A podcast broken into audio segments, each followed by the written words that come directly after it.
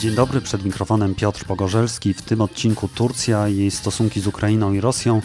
Pomoże nam je wyjaśnić dr Karol Wasilewski, analityk 4CF, autor książki Sen o potędze, neoosmanizm w polityce zagranicznej Republiki Turcji. Dzień dobry. Dzień dobry. Od początku marca dochodzą do nas informacje o tym, że Rosjanie mają problemy z importem towarów, także tych objętych sankcjami przez terytorium Turcji. W poniedziałek Chetin Tejdeli kierujący Stowarzyszeniem Eksporterów Metali Żelaznych i Nieżelaznych w Stambule, potwierdził, że taką decyzję podjęły władze w Ankarze. Brak jednak jakiegokolwiek jasnego komunikatu ze strony rządzących. Co wiemy na ten temat? Ten zakaz jest, czy go nie ma? Wiemy, że nic nie wiemy i to jest atmosfera, na której um, utrzymaniu na pewno Turkom zależy. Bo przecież przypomnę choćby z jednej strony, że Turcy od dawna mówili, że oni żadnych sankcji nie obchodzą, że oni w związku z tym nie naruszają żadnych norm, że oni w ogóle nie są zobowiązani, bo gdyby były sankcje międzynarodowe, oczywiście to oni tak, ale w tym momencie oni nie obchodzą żadnych sankcji. I to jest pierwsza sprawa, no bo jak się przyznać do y, obchodzenia sankcji w tym momencie, czy pomagania Rosji w obchodzeniu sankcji, zwłaszcza, że przypomnijmy, że czy prawdziwe, czy nie, ale zarzuty wobec Turcji, zarzutów wobec Turcji w zachodniej prasie było mnóstwo. I były to zarzuty zarówno takie, y, no powiedzmy, mało kontrowersyjne, typu Turcja radykalnie zwiększa eksport do Rosji dwukrotnie w 2022 roku, niemal w porównaniu do 2021 roku, ale były też zarzuty poważniejsze. Turcja pomaga, eksportując część towarów, w wysiłku wojennym Rosjanom. Więc nie sądzę, żeby Turcy chcieli, żeby teraz ta sprawa nabrzmiała. To jest pierwsza sprawa. Druga sprawa, niewygodnie jest teraz mówić o tym, e, że zrobiliśmy coś, co jest wymierzone w Rosję, gdy jesteśmy w sytuacji przed wyborami. Przed wyborami w Turcji. Parlamentarnymi i prezydenckimi. Prezydenckimi, dokładnie, tak, które odbędą się 14 maja. Więc niewygodnie jest, żeby po pierwsze nie narażać się na odwet Rosji, a po drugie, no nie mówić tym jednak wyborcom, że myśmy się e, ugięli pod zachodnią presją. No i to jest właśnie ten trzeci e, element, o którym niewygodnie jest mówić, czyli no właśnie, że myśmy się ugięli pod tą zachodnią presją, bo to nie jest tak, że Stany Zjednoczone teraz sobie wymyśliły, że Turcja obchodzi sankcje i że chcieliby coś z tym zrobić. E, w ciągu e, ostatniego roku mieliśmy naprawdę mnóstwo delegacji ze Stanów Zjednoczonych, w których Amerykanie, e, no takie przynajmniej do nas docierały przecieki prasowe, bo przecież nie uczestniczyliśmy w tych rozmowach, ale przestrzegali Turków przed tym, że no nie chcieliby, żeby Turcy obchodzili zachodnie sankcje na Rosję, no bo po prostu w tym momencie pomagają Rosji. Mieliśmy serię wypowiedzi, bardzo szeroko to określę, ze strony Unii Europejskiej zaniepokojonej tym, że Turcja te sankcje obchodzi i że Turcja pomaga w wysiłku e, wojennym Rosjanom. W ogóle doniesienia są takie, że klimat w Brukseli, to jest w ogóle jedno z moich ulubionych określeń, nie? klimat, atmosfera w Brukseli, e, jest taka, że mm, no nawet w Unii Europejskiej mają wrażenie e, różni decydenci czy politycy, że Turcja przegina w swojej polityce, którą no, można nazwać tym, tą polityką balansowania, tak, ale jednak w tym wymiarze prorosyjskim. Tutaj zwraca się uwagę oczywiście i na sankcje, i na e, Finlandię i Szwecję, z naciskiem oczywiście na Szwecję e, w NATO. Więc kończąc ten wątek przy długiej odpowiedzi, że wiemy, że nic nie wiemy, wiemy w zasadzie tyle, co pan przeczytał i te doniesienia prasowe, które e, do nas docierają, że Turcja wstrzymała część eksportu. Czyli to jest prawda, tak? To, co mówią rosyjskie firmy logistyczne, że pojawiły się jakieś kłopoty. W świetle tej, tych informacji, które do nas docierają, chyba możemy bezpiecznie założyć, że tak, jest to prawda. Ale czy bezpiecznie bym założył, że to będzie prawda przez dłuższy czas? Tutaj muszę niestety stwierdzić, że nie. E, bo jednocześnie docierają gdzieś do nas jakieś takie sygnały, które można znaleźć w tureckiej prasie, e, między innymi. No oczywiście to też miejmy świadomość tego, że to jest skierowane do, no skoro w tureckiej prasie, to do odpowiedniego elektoratu, nie elektoratu zachodniego, bo elektorat zachodni nie będzie głosował na Tayyipa Erdoana, e, tylko do elektoratu tureckiego, że to są problemy przejściowe i że szuka się rozwiązań, między innymi obejmujących Azję Środkową. No oczywiście sytuacja jest bardzo dynamiczna i nieustalona, ale wydaje mi się, że to jest przestrzeń, którą y, zachodnie państwa powinny bardzo mocno śledzić. To znaczy, ja, jakkolwiek może źle to zabrzmi w kontekście tego, że mówię o polityce sojusznika, nie ufałbym Turcji, jeśli chodzi o trwałość tego kursu, który my byśmy w tym momencie nazwali antyrosyjskim, nieco na wyrost. To znaczy, takie informacje też są w rosyjskiej prasie o tym, że rzeczywiście cały czas te sankcje miałyby być obchodzone w ten sposób, że towary z Turcji trafiałyby na przykład do Kazachstanu czy na Białoruś. Tylko, tak jak pan mówi, to tak jakby to był problem Turcji, który ona ma rozwiązać. Tak naprawdę to jest chyba problem Rosjan, którzy muszą rozwiązać, jak teraz te towary dowozić. Nie, absolutnie, to jest problem, e, to jest problem Rosjan. Tak? No ja się skupiam na tym tureckim wątku, zwłaszcza ze względu na ten wyjątkowy kontekst.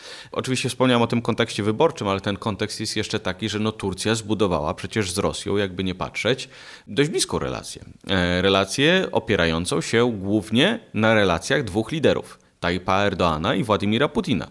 I z tego punktu widzenia, no to jest bardzo duży problem, bo cała ta przyjaźń, jakkolwiek można, nie wiem, czy można mówić o przyjaźni między Władimirem Putinem a Tayyipem Erdoganem, czy w ogóle między liderami tych państw, ale bliskość, o może to jest lepsze słowo, ona przecież została zbudowana między innymi na takich, no jakby nie patrzeć, antyzachodnich hasłach. Hasłach mm, typu wielbienie wielobiegunowego porządku międzynarodowego, w którym co do zasady może nie ma nic złego, ale w wydaniu rosyjskim, no wiemy, e, czy w wydaniu tureckim, wiemy, że on obejmuje między innymi komponent znacznie mniej mniejszej roli Stanów Zjednoczonych w porządku międzynarodowym i ich wpływu na ten porządek międzynarodowy, który oba te państwa postrzegają jako y, no, negatywny. Ta bliskość między liderami została zbudowana na tych antyzachodnich hasłach, które głoszą, że no, państwa zachodnie narzucając pewien model demokracji, którą my postrzegamy zupełnie inaczej, to w przypadku Rosji i Turcji, jakkolwiek znowu zabawnie może to brzmieć dla części naszych słuchaczy,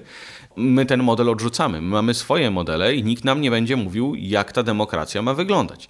No i teraz w tej sytuacji nagle okazuje się, że Cóż, Turcja ulega tej presji państw zachodnich, że Turcja z jakiegoś powodu musi się do państw zachodnich, że to tak określę, uśmiechnąć. No przecież Turcy zdają sobie sprawę, że Rosjanie nie są, nie są nierozsądni, wiedzą skąd jest akurat w tym momencie uleganie tej presji. To znaczy wiedzą, że Tayyip Erdogan jest w fatalnej sytuacji i jeśli prawdą jest to, że Brian Nelson, ostatni przedstawiciel Stanów Zjednoczonych, który rozmawiał z Turkami, w zasadzie nie straszył, tylko zakomunikował im, że stracą dostęp do rynków G7 i zrobił to na dwa miesiące przed wyborami, no to to jest, no znowu, groźba albo ostrzeżenie, zależy jak to chce to odebrać, no, przeciwko któremu Tayyip Erdoğan nie mógł nic zrobić tak naprawdę. A pan mówi, że Erdoğan jest w trudnej sytuacji. Dlaczego? To jest trudna sytuacja gospodarcza, przede wszystkim o to chodzi. Sytuacja jest trudna, y, tak, gospodarcza, ale to już w zasadzie wiemy od 2018 roku, możemy powiedzieć, że ta sytuacja jest trudna. Y, trwa w zasadzie taki wyścig opinii, czy turecka gospodarka się zawali, a raczej opinii za chwilę się zawali,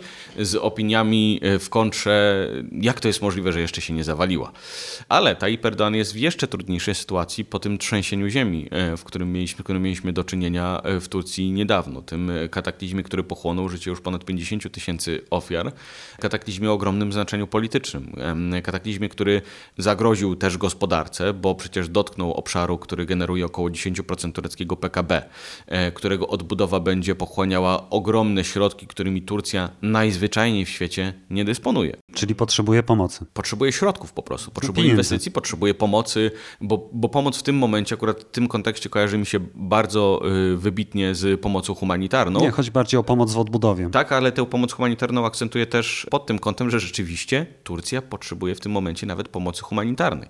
To znaczy ona nawet na tym poziomie nie jest w stanie poradzić sobie z tą katastrofą i w sumie nie ma co się dziwić, bo to jest olbrzymia katastrofa, olbrzymie skutki, ale jest to też kontekst ważny, no bo kto z tą pomocą spieszy? Oczywiście w tureckich mediach znajdziemy informację, że Rosjanie też, tak? Ale z tą pomocą spieszą państwa przede wszystkim Unii Europejskiej, e, spieszy NATO, które dostarcza tych niezwykle potrzebnych namiotów no spieszą państwa zachodnie, które, y, co ciekawe, przy tej całej sytuacji wokół trzęsienia ziemi, w zasadzie pierwszy raz od 2013 roku odzyskały to, co Tayyip Erdoğan im odebrał. Bezpośredni kanał komunikacji ze społeczeństwem tureckim mogły pokazać wreszcie, słuchajcie, zależy nam, państwom zachodnim, na waszym dobrobycie, a nie tylko reagować na różne narracje Tajpa Erdoana, które tam mówiły właśnie, że Zachód próbuje nam coś narzucić, próbuje nas w cudzym słowie zniewolić i tak dalej. Ale wracam do tego głównego wątku e, wypowiedzi. Jest w trudnej sytuacji po tym trzęsieniu ziemi również politycznie, bo ono pokazało w zasadzie wszystkie patologie rządów Partii Sprawiedliwości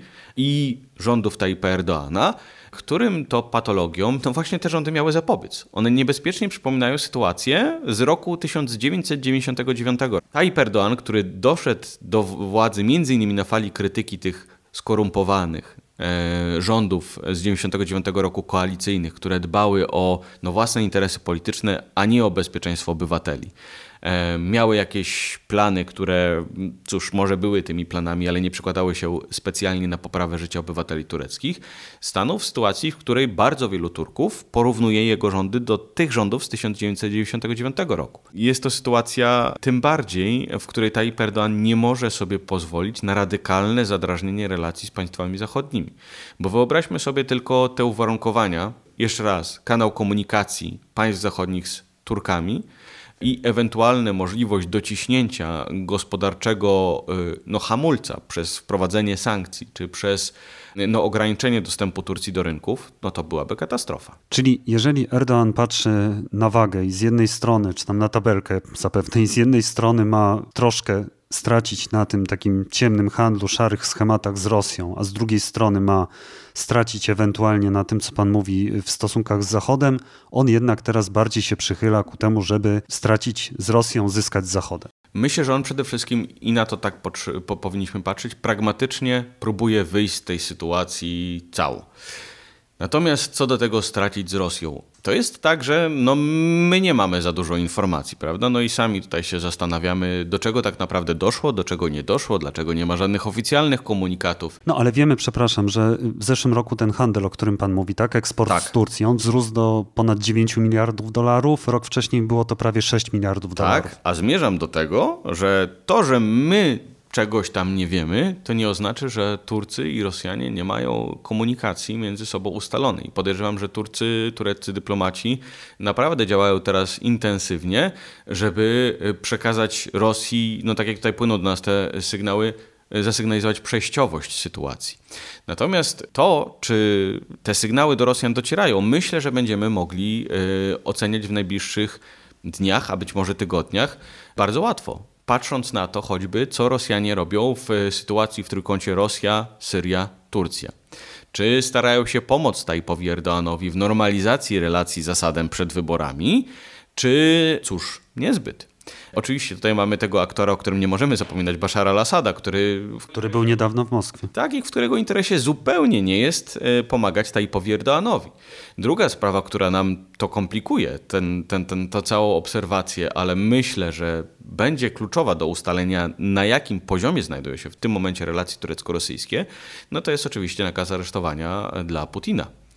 W tej chwili nie widziałem zbyt wielu czytaj, żadnych wypowiedzi tureckich oficjeli komentujących to, co zrobił Międzynarodowy Trybunał Karny. A czy Turcja uznaje ten Trybunał, czy nie? Turcja nie jest e, stroną statutu rzymskiego, natomiast e, no, jest to sytuacja problematyczna z wielu względów. No, choćby z tego, że jakby nie patrzeć, w ostatnich latach nie ma lidera na świecie, z którym Tayyip Erdoğan rozwinąłby tak roboczą relację, jak z Władimirem Putinem.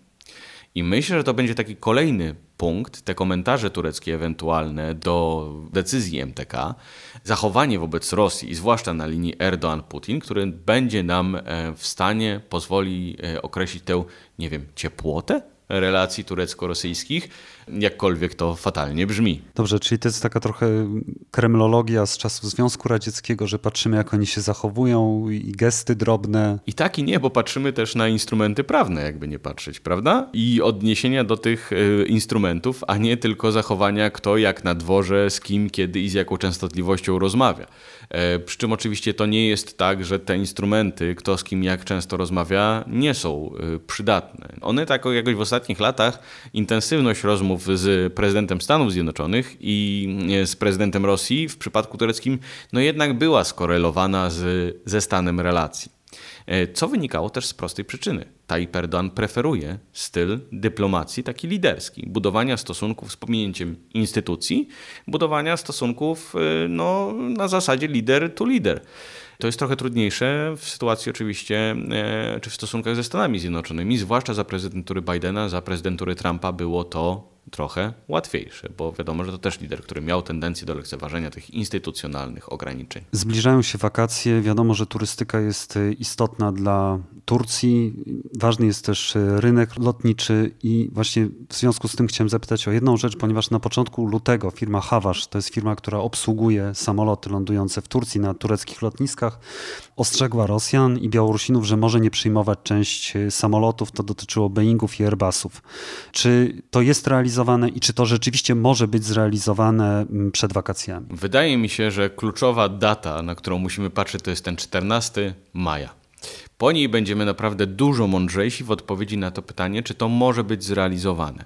E, w tym momencie sądzę, że jest to sygnalizacja taka, której Turcja potrzebuje. E, potrzebuje na użytek właśnie tej polityki wobec państw zachodnich potrzebuje, żeby pokazać, że słuchajcie, no my te, tutaj jednak też zaciskamy pasa, zwłaszcza, że wiemy, że te sytuacje związane z samolotami były problematyczne. No, od roku mnóstwo informacji na temat wykorzystywania floty, która jest projektowana w państwach zachodnich przez Rosjan, słyszeliśmy, no i oczywiście te problemy dotyczyły też Turcji.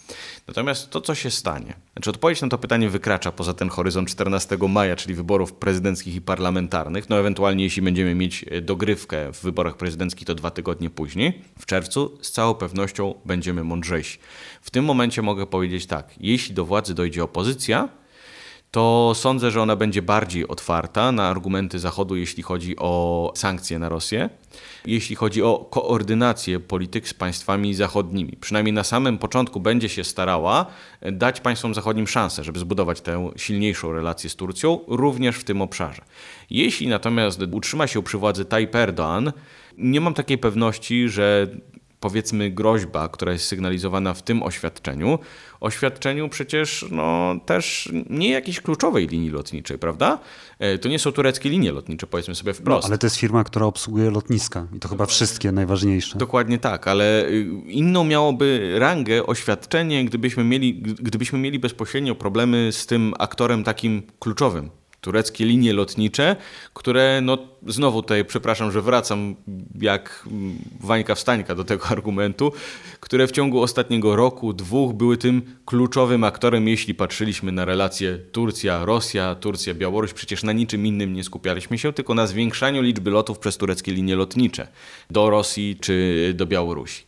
Ale zamykając ten wątek, jeszcze raz sądzę, że będziemy mądrzejsi po tych wyborach, natomiast jeśli Tayyip Erdoğan utrzyma się przy władzy, jeśli obóz rządzący, któremu ze względów systemowych zależy na zbudowanie tych silnych relacji z Rosją, a przede wszystkim zależy na tym, żeby nie uzależniać się radykalnie od państw zachodnich i temu służą w tym sensie relacje z Rosją są instrumentem, no wtedy nie spodziewałbym się, żeby te groźby czy ostrzeżenia żeby one miały taki wymiar zdecydowany i z całą pewnością się sprawdziły. Oczywiście wiele będzie zależeć od tego, teraz wiem, że dodaję jak ten klasyczny analityk serię tych zastrzeżeń związanych z tym, że e, no wszystko będzie zależało od tego, w jakiej sytuacji politycznej i gospodarczej będzie ta Erdoğan w przypadku wygranych tych wyborów. E, no ale tak jak mówię, nie spodziewałbym się tutaj radykalniejszych działań niż działania, które mogłaby podjąć opozycja licząca na otwarcie, nowe otwarcie z państwami zachodnimi. No i wszystko też zależy od tego, jaka sytuacja będzie na froncie, w jakiej sytuacji będzie sam Władimir Putin. Doktor Karol Wasilewski, analityk 4CF, autor książki Sen o potędze, neoosmanizm w polityce zagranicznej Republiki Turcji. Bardzo dziękuję. Dziękuję również. Ja przypominam, że podcast Po prostu Wschód można wesprzeć na zrzutce i Patronite. Zachęcam też do zajrzenia na profile na Facebooku i Instagramie oraz na mój prywatny na Twitterze, a także na Spotify, gdzie można posłuchać muzyki w Radiu Wschód. Do usłyszenia, żegna się Piotr Pogorzelski.